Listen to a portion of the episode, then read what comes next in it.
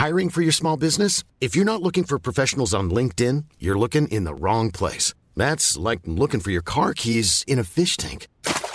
LinkedIn helps you hire professionals you can't find anywhere else, even those who aren't actively searching for a new job but might be open to the perfect role. In a given month, over 70% of LinkedIn users don't even visit other leading job sites. So start looking in the right place. With LinkedIn, you can hire professionals like a professional. Post your free job on linkedin.com slash people today.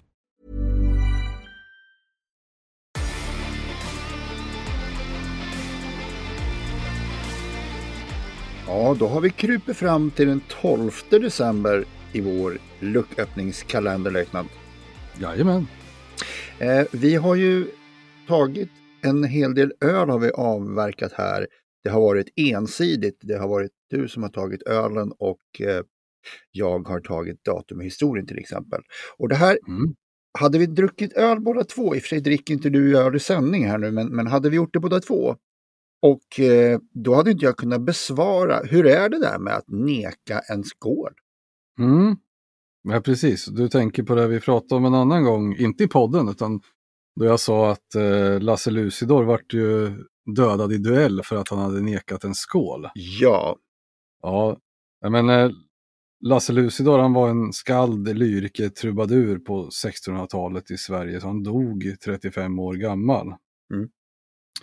Och det gjorde han. Han eh, vart eh, dödad i en duell 1674 av eh, en löjtnant vid namn Arvid Christian Storm faktiskt. mhm. Och det blev han i, eh, en, på en, krog i Gamla stan i Stockholm. ja. Och det sägs att det var på grund av att han hade nekat en skål. Och det kanske var så det började, det vet inte Mm. jag. Nej. Eh, men någon form av skärmytsling och slutade med att han vart utmanad på duell och eh, blev dödad helt enkelt. Då ska man alltså inte, när en löjtnant försöker skåla med en så ska man inte neka det. Det är andemeningen i det hela. Mm, just. Och när vi ändå är inne på skålar då så tänkte jag höra, du har väl säkert någon eh, överraskande öl till oss idag? Det har jag. Men jag vill bara väldigt snabbt nämna också att löjtnant Arvid Christian Storm, han var stamfar till eh, Edvard Munch, Ja, norske konstnären. se där. Se där. Lite, lite som sidofakta då. Vet du vad, vad man också kan kalla en stamfader? Nu kommer det något dumt. Nej men säg. Pa- Pappa. Ja. Det var länge sedan du slet på Göteborgs... eh, Ja, jag har försökt vara lite hygglig här. Ska vi öppna luckan? Ja, sätt igång. Lucka nummer 12. Och Mm. eh, det är måndag. Och eh, i lucka nummer 12 så hittar vi en eh, Visby alkoholfri julöl. Okej. Och, eh, eller rättare sagt då, Gotland, den är ju från Gotlands bryggeri och den heter Visby julbryggd alkoholfri. Det här är en mellanmörk mörk lager slash schwarzbier. Okej. Eh, och en 33 centiliters flaska, alkoholfri som sagt, 16,90. Den här är maltig och något rökig. Det är ju absolut inte en Rauchbier, men det, man känner eh, tydlig röksmak tycker jag. Och lite kavring, mörk sirap. Eh, god, väldigt god. Kul. Så Ja. här är ett bra alternativ. Mm. Det tycker jag verkligen. Så Visby julbryggd, alkoholfri. Ja, visst. Visst är det på etiketten där en riktigt sån gammal gotisk eh, fönsterbåge som logga? Eller som etikett? Mm, det är det. Fast jag tror inte att det en, ja, det kan vara det, men jag tror att det är ett valv i ringmuren om jag ska vara riktigt ärlig. Ja, men det är fortfarande gotiskt, den här brutna bågen som gör att den blir en spets. Absolut. Mm. Så är det. Visst, Så är det. Och eh, på den här etiketten så är den, den är röd och det är guldtext och sen är det även en liten tomte. Snyggt. Traditionell etikett skulle jag säga. Mm. Mm. Det, det gillar vi. Ja, men det, det gör vi absolut. Jag tänkte på något annat traditionellt som jag vet eh, du själv har och använder som är i min värld är lite ikoniskt. Och då pratar jag om ett gevär. Mm. Vet du vilket jag tänker på? Ja, då tänker du nog på Mauser 96an, gevär Jaj- 96. Ja. Jajamän. Jajamän. Det använder du till jakt. ja, absolut. Jag, vet, jag tror att du vet, men det var ungefär 40 000 gevär M96 köptes in ifrån den tyska Waffenfabrik Mauser i Oberndorf och cirka 450 000 exemplar licenstillverkades av Carl Gustaf stads gevärsfaktori i Eskilstuna. Visste du det?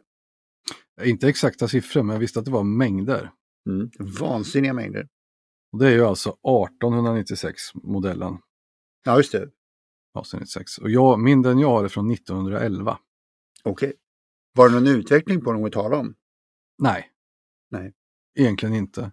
Man, man kan ju tycka också att det där är konstigt att eh, ja, men hur kan man använda ett gevär från 1911 eller 1896? Mm. Eh, och det kan man, alltså det går liksom inte jämföra och det är lite fantastiskt med vapen. Just att, alltså i alla fall gevär, det är ju inte så mycket rörliga delar och mekanik, att de fortfarande, det går liksom att använda antika grejer. Det är inte mm. så mycket annat som, som funkar så. Du skulle inte kunna ta en bil från 1911 och använda eh, och hävda dig med mot en modern bil. Nej. Men, men, men vi, vissa saker hittar ju sin perfektion tidigt och det får man väl nästan säga att den här eh, Mausen gjorde. Även cykeln efter den hade kommit ner till att ha lika stort hjul fram och bak så var det ju väldigt, väldigt länge som ingenting direkt hände med utvecklingen förutom just senare dagar vad det gäller cykeln. Ja, precis. Och där har du ju också ett, eh, någonting som går att använda väldigt gamla. Mm. Cykeln var väldigt bra liknelse.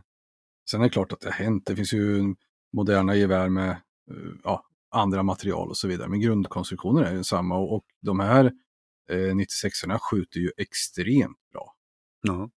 Det är kul att de eh, fick till det så på en gång så att säga. För det där var väl ganska tidigt i enhetsammunitionens eh, historia? Ja, hyfsat. Det är, och det är en cylinderrepeter. Innan det fanns ju de här uh, Remington Rolling Block och sådana trapdoor-mekanismer där man laddade in en enhetspatron bakifrån. Alltså man spände upp hanen, öppnade en lucka, stoppade in en patron, stängde luckan och sen uh, sköt igenom. Då. Mm. Men uh, det här är ju en enhetspatron, det är 6,5 55 Swedish Mauser, även känd. Mm. När togs de ut ur försvaret som eh, alltså vapen avsett för strid? Ja, då är vi inne på 90-talet. jag vet inte exakt, men eh, närmare 100 år i tjänst. Mm. Det är inte illa. Och fortfarande i tjänst. Ja, just det, fast inte avsett för att... Ja, just det. Nej. Nej, ceremoniellt bruk. Och då just. har vi ju då har vi ju gevär 96 och sen finns ju även karbin modell 94. Jaha. Det är en, egentligen en kortare version då, en, eh, en hel stock. Alltså, om du tänker dig ett, ett gevär som har trä ända fram till pipmynningen. Okej, okay, okay. Mm, mm, mm. Och betydligt kortare, då, avsedd för framförallt ryttare men kanske till viss mån även artillerister och andra som mer som närskyddsvapen men används ju i ceremoniellt syfte av beridna högvakter. Där ser man. Och då är vi väl framme vid punkten då vi öppnar vår andra lucka och eh, då är det den 12. Och då undrar jag, vad har vi dagens datum i historien den 12? Jo, jag lovade i början av kalenderpodden här att vi skulle återkomma till Finland och det gör vi nu. För att den 12 december 1939 så stod slaget vid Polvajärvi. Och det var då mellan eh, finska styrkor och ryska givetvis. Och här har vi eh, efter att vinterkriget bröt ut den 30 november 39 så påbörjade de finska styrkorna norr om Ladoga en förberedd reträtt inför den överlägsna fienden. Man trodde, inte, man trodde inte att ryssarna skulle kunna sätta in så stora styrkor i den svåra och nästan väglösa terrängen, men ryssarna satte in en hel division som ryckte fram längs vägen mellan Suojärvi och Torvojärvi.